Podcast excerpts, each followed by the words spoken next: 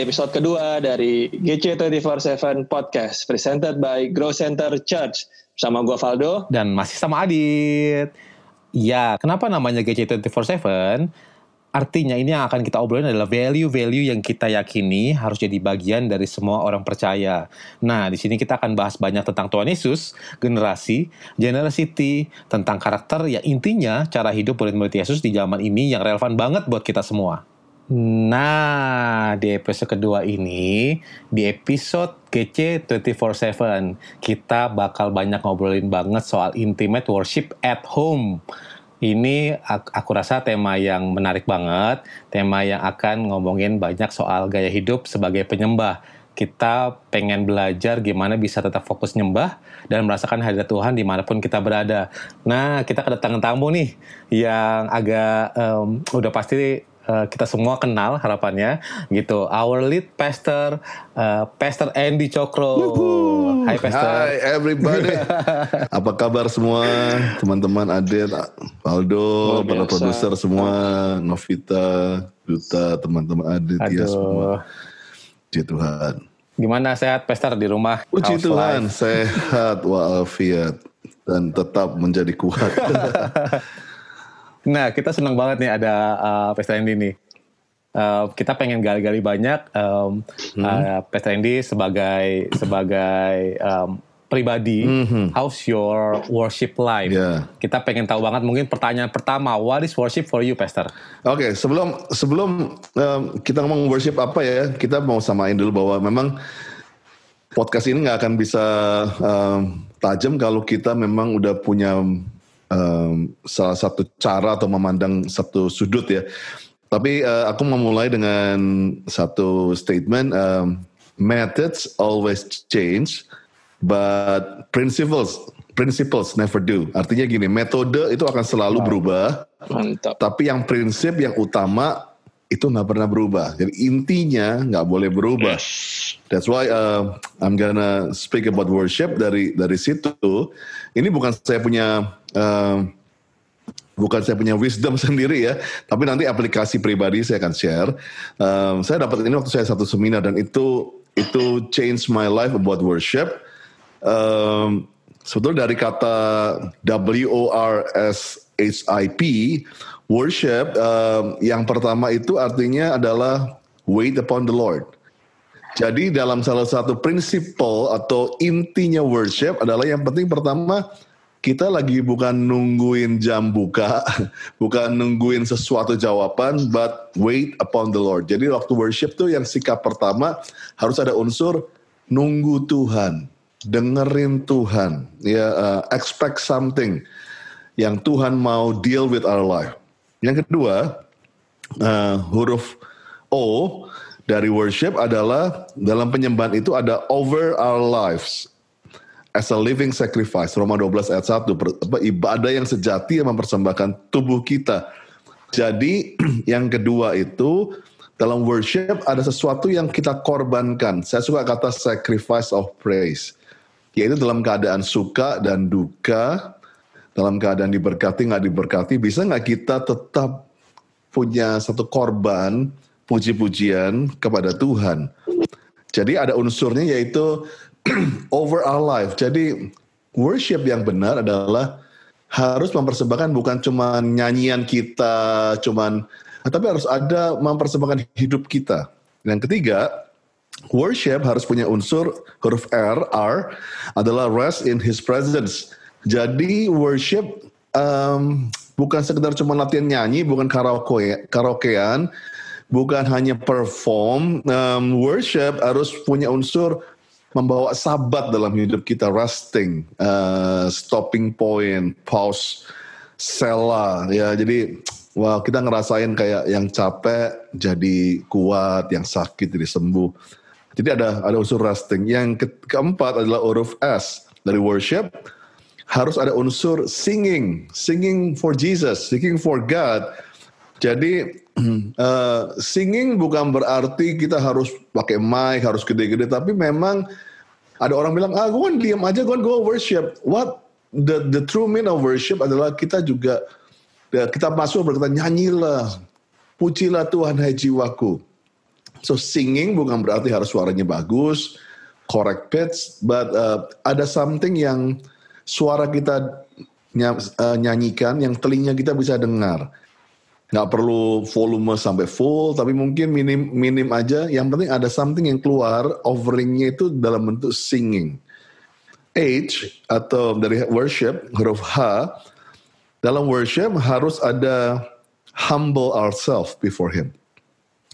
Ini bicara mengenai ketuhanannya Tuhan ya. Jadi dalam worship kita well kita boleh dalam bentuk tertiduran apa tapi tetap hati kita perlu rasa honor. Jadi kita ngerasain oh Lord I'm nothing without you humble. Kita tuh benar-benar harus merendahkan diri dan merasakan aduh Tuhan um, aku ini nggak ada apa-apa tanpa engkau. Itu adalah unsur worship. Gimana para tua-tua juga sampai melemparkan mahkotanya, para uh, tua-tua di bait Allah itu uh, mereka tangkurap, mereka sujud sampai ke tanah karena ada rasa humble. Ya, huruf I adalah harus ada unsur intimacy. Nah, ini yang penting relationship. When we worship tanpa relationship itu menjadi cuma singing doang. But worship menjadi indah waktu kita ada relationship dengan Tuhan. Bereskan dulu makanya kalau hubunganmu dengan Tuhan lagi jauh hubunganmu dengan Tuhan lagi beres kedua. Yang terakhir, worship adalah pleasing Him, huruf P ya, pleasing Him, menyenangkan Tuhan. That's the principle of worship, Adit. Kembali kepada kamu. Wow. Langsung lengkap. Komplit banget yeah. ya, ya. Pastor. Tapi gini, Pastor. Tadi kan ada di poin yang nomor 4 tadi Pastor bilang uh, S-nya itu kan singing. Hmm. Dan untuk sebagian orang itu banyak mengasosiasikan worship itu identik dengan talenta bermain musik, oh, menyanyi. Okay. So kalau gimana kalau misalnya kayak misalnya saya nggak bisa bermain musik, saya nggak bisa nyanyi, tapi saya mau menyembah, gimana itu? Ya, yeah, saya bilang tadi singing uh, kembali gini loh, singing itu kan yang kamu bilang tadi, saya nggak bisa nyanyi, saya nggak bisa main musik, itu kan karena ada standar uh, dunia ya kan? Oh lu jelek ya lu gak bisa main. Tapi yang Tuhan bilang singing itu adalah ekspresi of worship. Um, Tuhan uh, saya percaya ya waktu kita lagi suntuk lagi mata bengkak karena nangis ingus keluar terus karena nangis suara nyanyinya kan bindeng banget. Eh tapi itu ketika hati yang hancur, yang remuk itu Tuhan tidak pandang hina. Bahkan jadi suara melodi yang terindah buat Tuhan. Jadi uh, singing di sini bukan skill, ya. Uh, makanya jangan takut. Ya. Singing adalah ekspresi nyanyi, uh, menyanyikan sesuatu from your heart, ya uh, itu singing yang maksudnya. Jadi jadi jangan kita makanya metodenya di sini orang sudah kali udah oh, harus begini kalau singing harus pakai kunci harus pakai musik. Tapi singing di sini prinsipnya adalah Tuhan mau tahu jeroan kamu gitu loh. Tuhan mau tahu what is in your heart gitu loh. Yang yang asli itu gimana? Itu loh yang yang yang saya yang poin saya mengenai singing tadi. So, bro jangan takut, nyanyi aja, bro. Tuhan itu menari-nari atas pujian yang yang keluar dari hati gitu. Percuma bagus kalau nggak dari hati, Tuhan nggak nggak terimpress gitu loh. Itu yang yang saya prinsip saya. Go ahead. Hmm. Wow, um, banyak banyak pertanyaan-pertanyaan pasti um, menyangkut soal teknis ya. Kita mungkin agak agak uh, langsung kasih statement aja oke okay, um, it's not all about methods or um, teknis mm-hmm. gitu tapi it's all about our um, yang tadi ya apa um, akronim yeah. dari principle dari worship yeah. tadi itu sendiri gitu jadi principle worship yang let's say gini uh, Pastor saat kita ngomongin we kita uh, worship itu kan harusnya keluar dari keinginan untuk membangun relationship mm. gitu mm. itu yang aku mm. aku bayangkan nah um, what is the, the first principle that apa yang kita perlu perlu lihat gitu Pastor untuk kita ngomongin soal aku pengen bangun relationship apa yang harus orang tuh mulai step awalnya tuh apa biasanya gitu kalau menurut Pastor? Iya yang yang sebetulnya semua udah tahu yang uh, makanya saya bilang um, relationship itu penting um, karena intimacy dan relationship itu kan nggak uh, bisa kita pisahkan. Uh, Uh, sering kali kita broken of relationship atau communication karena ada something yang yang salah paham lah, ada sesuatu yang terjadi ya. Makanya it's good untuk tadi saya bilang prinsipnya adalah to humble ourselves, untuk periksa diri, untuk mempersembahkan hidup kita uh, waktu menyembah karena banyak kita nggak bisa ngerasain worship yang sebenarnya karena kita nggak punya a good relationship dengan Tuhan. So pertanyaannya adalah sekarang ya itu basic banget adalah di balik semua kata worship ya semua kekristenan juga gitu. Kekristenan itu agamawi atau relationship. Worship juga begitu. Banyak kita hanya sekedar pikir oh ke gereja absen nyanyi sesuai lirik itu udah worship itu udah jadi Kristen. Nah di rumah ini kita diuji sebetulnya yang intinya beribadah intinya worship. Sebetulnya worship dan ibadah itu sama ya. Uh, intinya tuh apa? Ya tadi saya udah bilang tadi itu ujung-ujungnya relationship. Banyak orang di rumah sekarang pastor kangen kayak nyembah di uh, eh, GC Hall, nyembah di gereja. Hmm, yeah. Ujung-ujungnya kangen apa sih? Oh kangen wah musiknya semua asik. Well, saya saya bukannya nyalain itu ya, tapi kalau itu yang kita kejar terus, wah saya saya saya takutnya nanti kalian cuma addicted to the apa ya sensasinya worship. Kita kehilangan the prinsipnya worship. Karena prinsipnya worship tadi itu yang saya udah bilang ya tujuh poin itu dan, dan relationship dan intimacy itu nomor satu. Jadi pertama, yuk kembali lagi cek relationship kalian dengan Tuhan itu apa. Kalau saya saya tuh punya sudah punya tadi saya ini mungkin saya jumping ke jumping around tapi ada ntar saya akan share ada tiga sebetulnya uh, praktikal saya untuk cek my worship. Yang pertama tuh saya selalu pakai passion thermometer gitu loh. Itu uh, oh. saya tuh punya termometer passion seperti kayak kayak kita sekarang punya lihat termometer orang suhunya berapa. Nah saya tuh cek my worship ini karena passion atau gairah, cinta, first love atau cuman lip service. Ya paling gampang adalah waktu nggak ada yang nonton, waktu nggak di podcast, waktu nggak di YouTube, waktu nggak di panggung. Terus saya di mobil, di rumah, sendirian. Gue paling gampang gini, praktikal gue. Um, I just close my eyes, lalu gue cuma bilang gini, Jesus, Nah itu saya bisa ngetahu deh. Kalau saya sampai berapa kali Jesus saya nggak dapetin level apa ya kayak klik saya sama Tuhan atau intim saya, wah gue panik Ben. Aduh. Pasti ini gue lagi nggak konsen sama Jesus atau fokus gue nggak Yesus atau ada sesuatu yang bothering my passion. Tapi kalau um, biasanya um, regular uh, saya cuma butuh satu menit saya coba bilang Jesus I love you guys. Saya ngerasa cuma merem tanpa music. It's good kalau dibantu music, tapi saya kadang tanpa di, di saya cuma bilang Jesus, are you here? Uh, kamu masih di sebelahku nggak?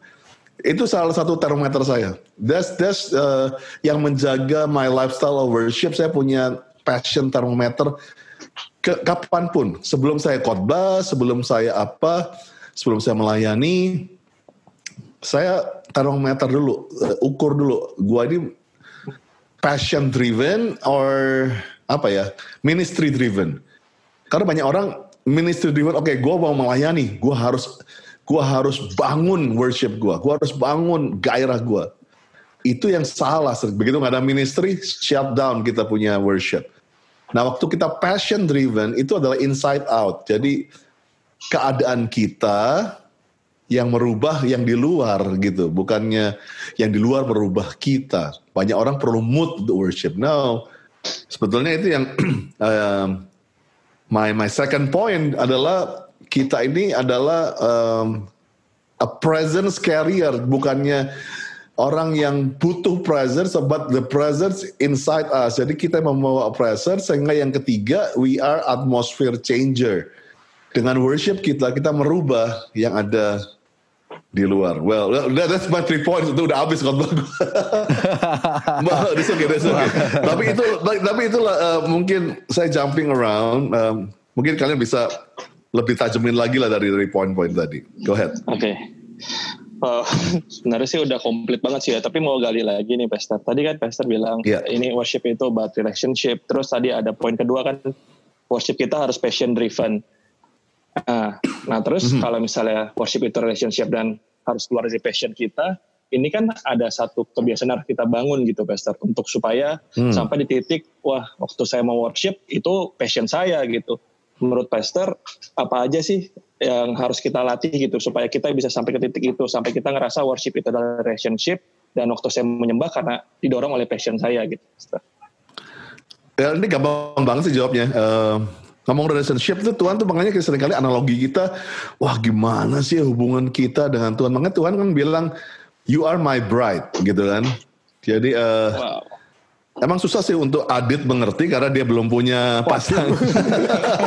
Tapi buat Valdo, uh, gua tahu gampang banget. Lu punya Renata yang di rumah, yang I hope you still love her dengan seperti hari pertama kalian uh, janji nikah. Yes. Udah berapa tahun, Dok, nikah? Satu setengah tahun. Satu setengah tahun. Wah ini masih hangat ini, ini masih hot. masih masih masih membara. nah, nah tapi tapi uh, itu juga. Nah kita dengan istri pun kita tahu kok. Um, um, kalau kita punya passion, nggak perlu sampai buat surat cinta 50 lembar gitu kan. Cuman lu kadang-kadang yeah. lu pandang matanya Renata bilang babe I love you. Nah gitu kan.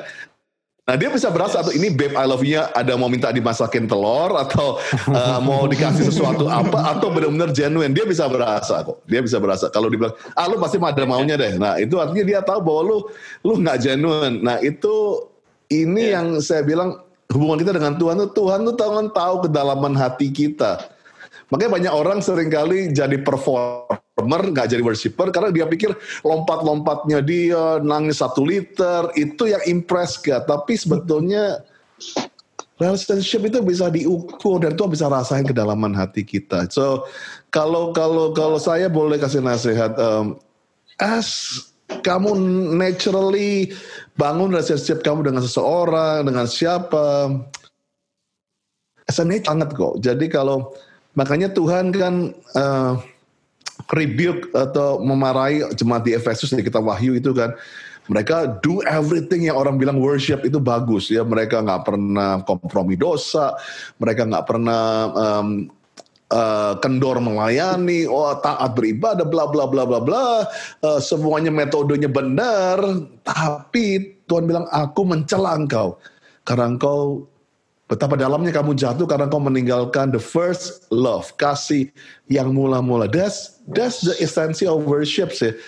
Karena waktu kita punya first love, kita nggak perlu diingetin tuh kangen sama seseorang. Kita naturally kangen, naturally mau ngomong sama dia, naturally mau connect sama dia dikit-dikit WhatsApp dia kan, eh hey, where are you babe? Ah, gua kangen, padahal baru ketemu gitu loh. Nah, so how about your with Jesus? Worship kayak gitu juga kalau kita, ah, gue udah nyanyi sejam tadi cukup dong, kayak minum obat begitu kan. Saya percaya uh, is never enough. Oh kata never enough gue suka banget. Itu kan orang pacaran kan juga gitu kan. Eh udah tiga jam, empat jam uh, FaceTime. Never enough. How about you and Jesus? Ya, mungkin Adit mulai belajar ya kan Adit. gitu aja. Oke okay, oke. Okay, Never okay. enough. Uh, um, tapi uh, Pester itu tuh kayak enak banget uh, apa di awal ini kita sudah langsung bahas fondasi hmm. gitu, principles kita bahas tadi um, uh, tiga hal yang uh, Pester sendiri tuh uh, terapkan gitu dari passion thermometer, apakah ini passion driven atau ministry driven, um, ke presence carrier dan atmosphere mm -hmm. changer mm -hmm. gitu. Um, aku rasa itu tuh udah lumayan mm -hmm. uh, put very good uh, apa uh, fondasi yang bagus untuk kita mau tanya lebih details buat orang-orang yang mungkin um, belum pernah me melihat lebih dalam kehidupan Pastor mm. Andy di rumah. Nah, Wah, ini agak kita tuh pengen skenario nih. Sengaja memang. uh. uh, tapi kita pengen tahu um, kalau Pastor tuh saat teduhnya gimana okay. sih? Gitu pernah nggak sih apa uh, satu hari tiba-tiba lupa saat teduh gitu uh, dan apa yang apa yang Pastor sendiri tuh uh, mungkin push atau membiasakan diri itu seperti apa uh, dulu saat teduh itu apa ya Oh, wow. saya kok baru gini, dengar kan? saya, ajarkan ya. Oke, oke, oke. Gini, gini, gini. Oh, jangan, jangan salah, jangan salah. Buat saya saat teduh itu, uh, Well, orang-orang orang punya metode pagi hari. Gue setuju banget karena ya semua kan Yesus bilang pagi-pagi sebelum itu dia naik berdoa pagi-pagi menunjukkan prioritas sebelum kita dipolusi pagi-pagi itu well, Mas Pur bilang pagi hari kita menaikkan puji-pujian dan segala macam. tapi itu kan sebetulnya manusia yang menyimpulkan. Um, sebetulnya saat teduh buat saya adalah a quality time. Nah, kamu bisa berdua sama pacarmu, tapi kamu main WA sendiri, ya kan? That's that's bukan saat teduh menurut saya itu bukan quality time. It, nah kita sebetulnya um, menurut saya uh, karena saya pernah I still doing saat teduh tapi waktu itu pikiran gue masih ke masalah. Jadi gini, uh, I'm just reading Bible, nyanyi. Tapi tiba-tiba Tuhan bilang, eh, where are you? Gue digituin sama Tuhan tiba-tiba. Karena terus terang waktu itu gue nyembah gue tuh benar-benar kulit doang. Gue cuman kayak, ya gue pastor, gue harus baca firman, gue harus...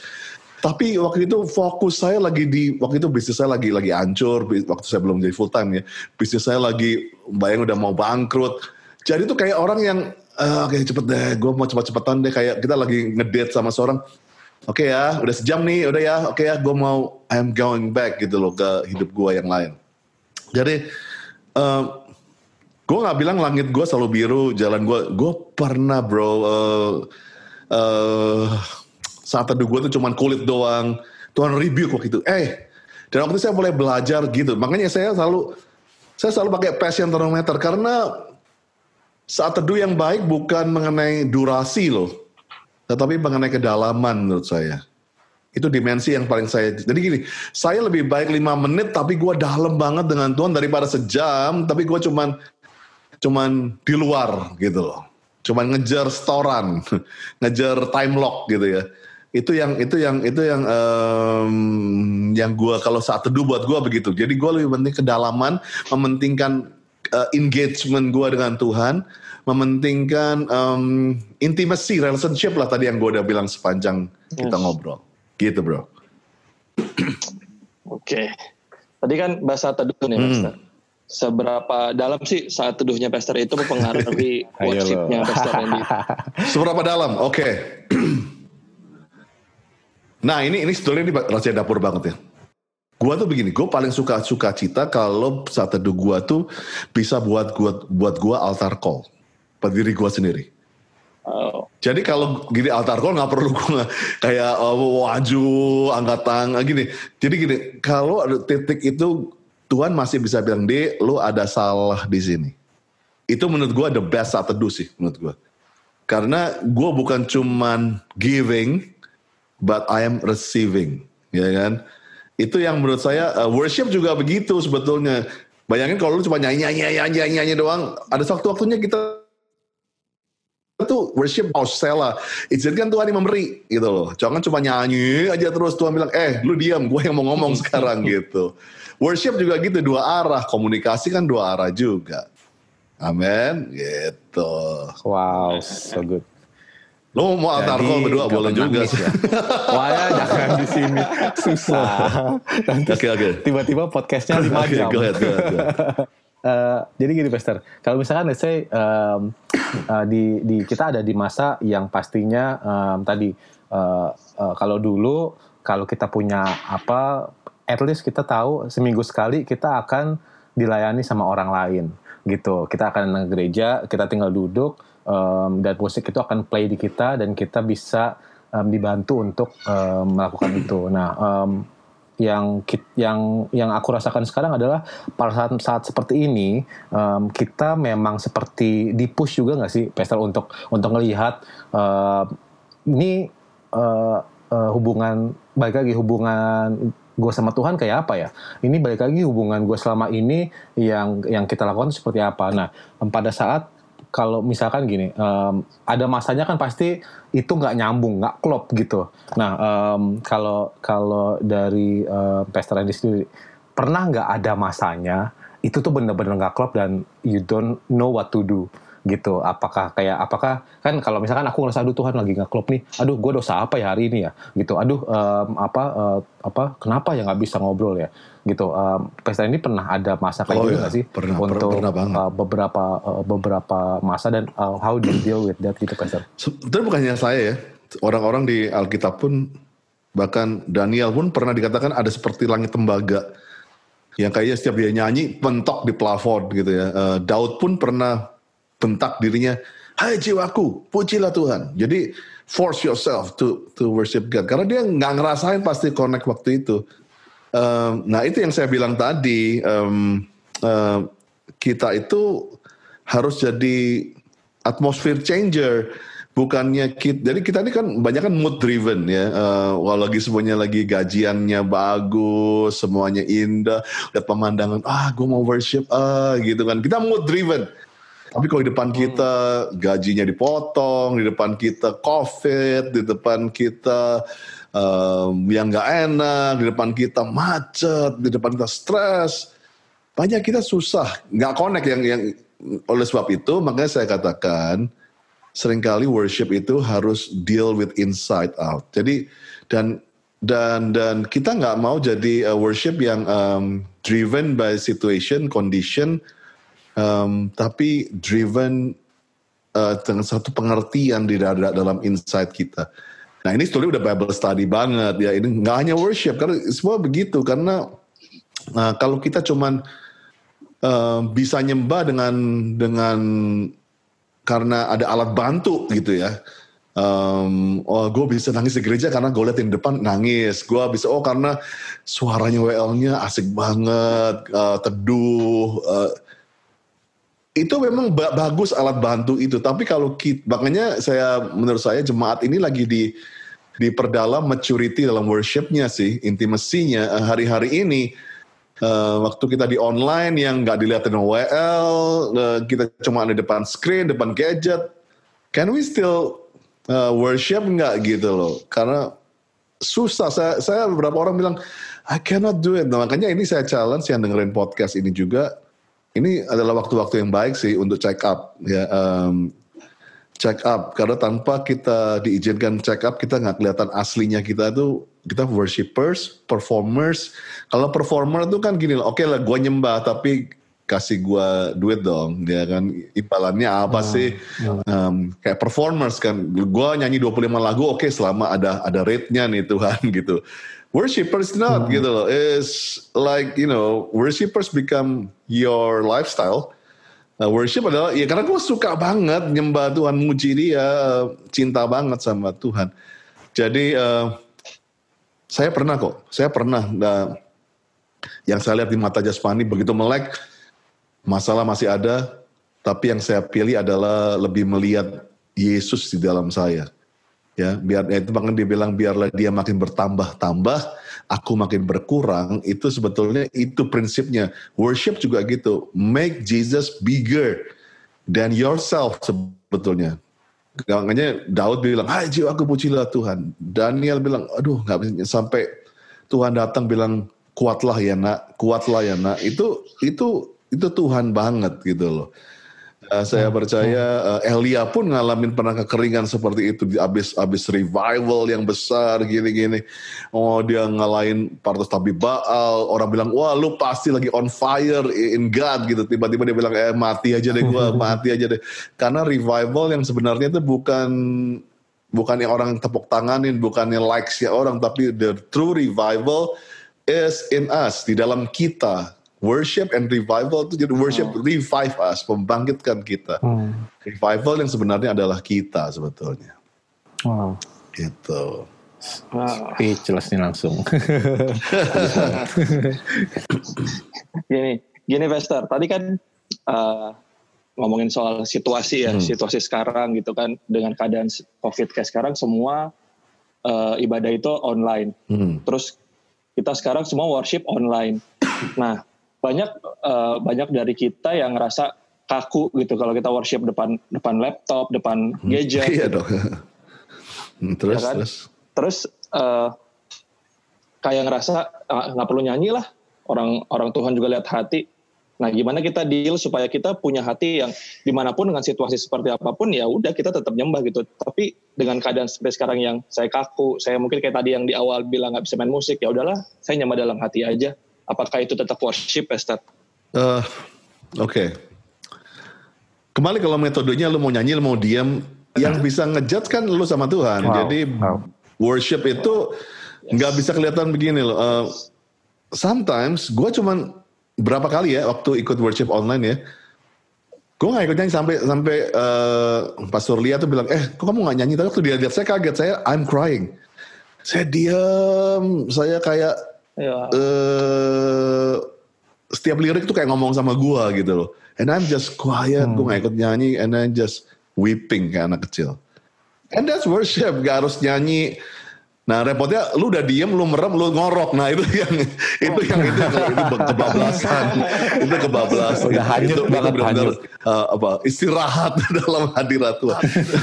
jadi uh, jadi sebetulnya menurut saya uh, uh, kita harus seperti Musa ya bilang sama Tuhan. Waktu waktu Tuhan bilang, eh gua kasih malaikat, gua kasih Namamu aku catat dalam buku kehidupan. Pergi ke tanah kanaan aku kasih, tapi itu dia maksa. Bila engkau tidak berjalan bersamaku, if your present doesn't go with me, I will not leave this place. Aku tidak akan pergi meninggalkan tempat yes. ini. Nah itu jelas banget di situ dia bilang, I want you the presence of you. Jadi um, walaupun dia bilang, oke okay, pergi berkat aku kasih gini. Nah ini kita lagi diuji waktu di depan gadget bukan di depan siapa but kita kan semua di depan Tuhan bahkan Tuhan bukan di depan Tuhan di dalam God is in you nah masalahnya gitu God is in you nggak gitu loh nah kita nggak akan bisa jawab semua ini kalau kamu memang Tuhan udah nggak lagi dalam engkau atau kamu yang ninggalin Tuhan. Tuhan terus ketok pintu hatimu, kamu bilang, God stay outside. Nanti hari Minggu gua balik lagi ke lo gitu. Nah itu masalahnya. Hmm. Kita menjadi orang yang cuman gerejawi dalam arti kita ngasain presence di gereja, di gedung gereja. Nah Tuhan jadi kamu the house of the Lord-nya. Sekarang kita jadi apa ya habitatnya Tuhan tuh kita. God is in you. Nah di sinilah sebetulnya gue suka banget sih dalam masa lockdown ini worship ini lagi diuji. Jadi banyak orang-orang yang lebih dewasa sih menurut saya. Relationship kita juga lebih dewasa. Gitu Valdo. Aduh, nih andai ada waktu lebih banyak nih. Tapi um, I think it's uh, our last ya. question, yeah. Pastor. Um, pertanyaan paling signifikan adalah saat kita um, intimate worship at home. Hmm. Tapi kita itu di home tidak sendiri. Gitu intimate tadi kan kita banyak bahas kayak um, how's your life pastor? Gimana intimate worshipnya? Ala pastor ini saat lagi sendiri. Hmm. gitu um, um, gimana intimate worship pastor dengan keluarga? Gitu um, nah. how, how do how, how apa yang pastor lakukan yeah selama ini um, yang jadi jadi mungkin prinsipal yang baik untuk kita bisa pelajarin juga pastor? Uh, saya pikir uh, is uh, selalu nggak bisa dipisahkan love God and love people um, if you love God, you will love people. Ya, jadi intimate kepada Tuhan juga pasti intimate kepada siapa aja. Ya, uh, terutama ke keluarga yang dekat dengan kita. Karena banyak orang bilang, wah gue worship God, tapi gue gak punya hubungan yang baik dengan bapak, ibu. Well, saya bilang, ya mungkin kalian bisa bilang, oh bapak gue, bapak, pastor gak tahu sih bapak gue kayak gini Well, that's that's something yang kita harus work. Uh, tapi saya bilang the yang sehat itu sesehat kita worship dengan Tuhan, sesehat itu juga hubungan kita dengan sesama. Jadi menurut saya um, tadi saya kan ada poin atmosphere changer. Uh, kesehatan worship kita itu pasti impact dengan orang-orang di luar kita. Kita bukan cuma termometer, punya termometer mengukur, tapi kita juga jadi termostat Ya, termostat adalah merubah suhu sebetulnya. Nah, kalau kita punya kehidupan worship yang baik, um, saya percaya itu bisa kok, bisa bisa merubah orang-orang sekitar kita. Saya pernah cuma ngobrol-ngobrol kayak gini doang di Starbucks, uh, terutama dalam masa-masa COVID. Nah ini, ini kejadian sebelum lockdown ya. Ada seorang yang yang yang di ya, di bisnis di hubungan bisnis dengan keluarga saya dan kita ngobrol dan saya cuma ngobrol mengenai hal yang simple, mengenai um, relationship with God gitu ya. Saya cuma ngomong-ngomong begitu aja, tiba-tiba dia nangis. Dia bilang, nggak tahu ya, it's not Bahkan dia bilang, terusan gue ngerti apa yang lu ngomong, tapi waktu lu ngomong, gue cuma ngerasain ada something yang yang peluk gue gitu. Dan saya percaya itu same thing. Waktu saya dalam dengan Tuhan, mungkin ngomongan kita terbatas ya.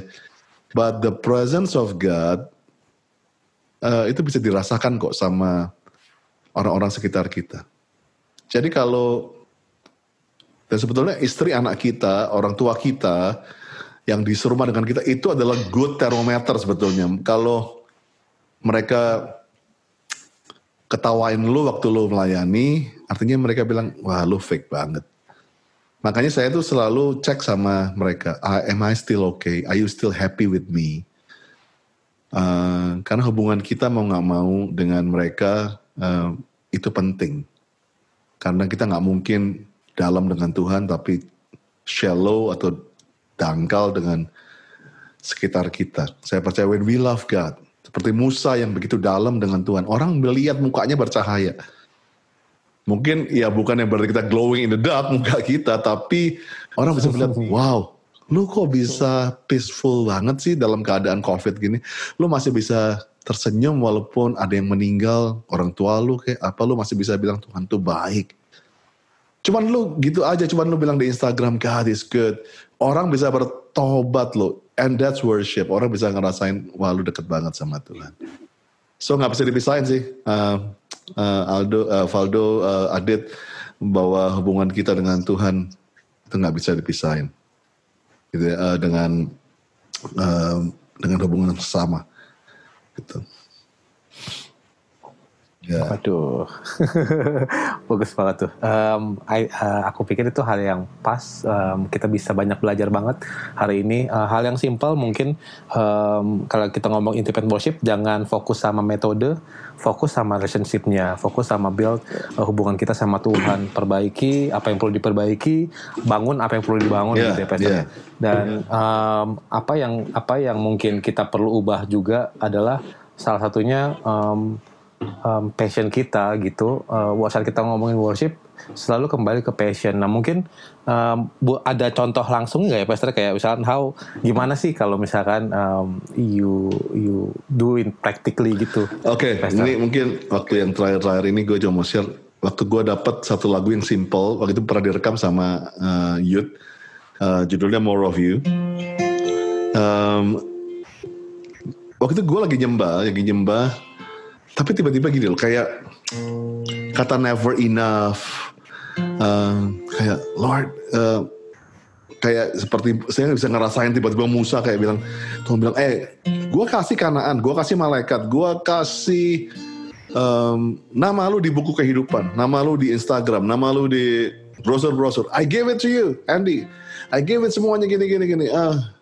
Uh, tapi ada satu rasa yang bilang no no no no no no no never enough. I want you I want you. Dan tiba-tiba saya cuma nyembah bilang more of you, more of you. More of you God, more of you. Saya cuma bilang Tuhan aku mau kamu lebih. Kamu lebih. Nah dari dari penyembahan saya itu tiba-tiba saya dikasih referennya uh, uh, lagu ini sebenarnya. More and more and more and more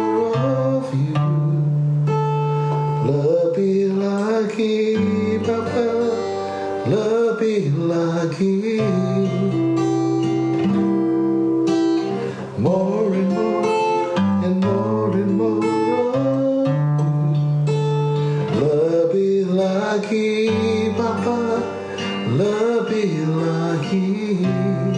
Dan saya nyanyi lagu itu hampir sejam. Cuma bisa, cuma bisa bilang More and more and more and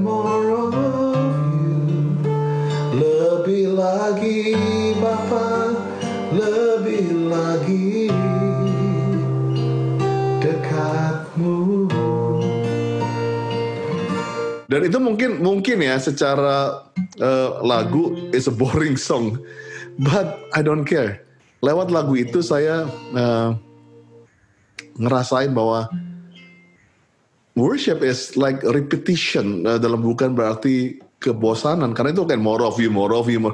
But this is our life. Kita hidup kita Senin, Selasa, Rabu, kami Jumat balik lagi Senin, Selasa, Rabu, kami Jumat. Tapi bisa nggak kita tetap punya kedalaman? Dan saya belajar lagu yang repetition begitu. Saya nangis sejam. Saya bilang, I want more of you. I want more of you. I want more of you. That's a practical thing sih yang saya belajar dari worship. Gitu. Waduh. ini kalau misalnya yang dengar masih belum mengerti sih benar-benar ya Pastor ya. Udah sampai ke praktek lagi. Aku aku aku suka banget maksudnya um, apa thank you so much Pastor for Yeah. opening your life. Um, banyak hal yang kita you, pelajarin banget um, di luar dari prinsipal, di luar dari pemahaman. Um, aku pikir setiap kita memang mau nggak mau um, build a personal relationship sama Tuhan. Um, Tuhan seperti apa sih yang ngomong sama kita? Um, gimana caranya kita tahu um, Tuhan tuh bener-bener speak with us saat kita lagi uh, quality time sama Dia? Um, apakah kita bener-bener uh, nggak bahasanya secara analogi nggak main HP saat kita lagi quality time sama Tuhan di mana pun dan kapan pun gitu ya, Yeah. Pastor ya. Wow. Iya, em, bagus banget dan aku suka banget tadi em, saat kita udah jadi udah jadi eh, udah paham secara prinsipal kita perlu jadi atmosphere changer gitu. Saat orang lain bisa merasakan kasih Tuhan, I think that's the the the the sweetest thing gitu. Karena eh, dan kita kayak melakukannya effortlessly gitu kan Yeah. karena kita nggak ngapa-ngapain kita hanya share our love to God Yes. gitu dan orang ternyata bisa merasakan wow so good banget Pastor Eh, lo ada yang mau ditambahin gak Valdo Wah, ini dari lu udah dalam banget sih. Lagi nangis dia, lagi nangis. lagi kangen, Iya, kangen sama aku istri. Dia pengen pulang, pengen pulang. Dia udah di rumah sih dia. Di rumah, iya jadi ya aku pikir uh, itu yang kita bisa pelajarin di episode Amen. ini thank you so much Sama-sama. uh, Pastor for your time thank you for the gold points dan semuanya itu jadi jadi hal yang baik banget Yep. untuk kita pelajarin sama-sama Yes. So um, I think that's all uh, everyone. Uh, kita akan uh, ketemu lagi di minggu depan, hopefully with a special guest. Jadi jangan lupa dengerin kita terus dan um, sekali lagi um, thank you dan goodbye semua.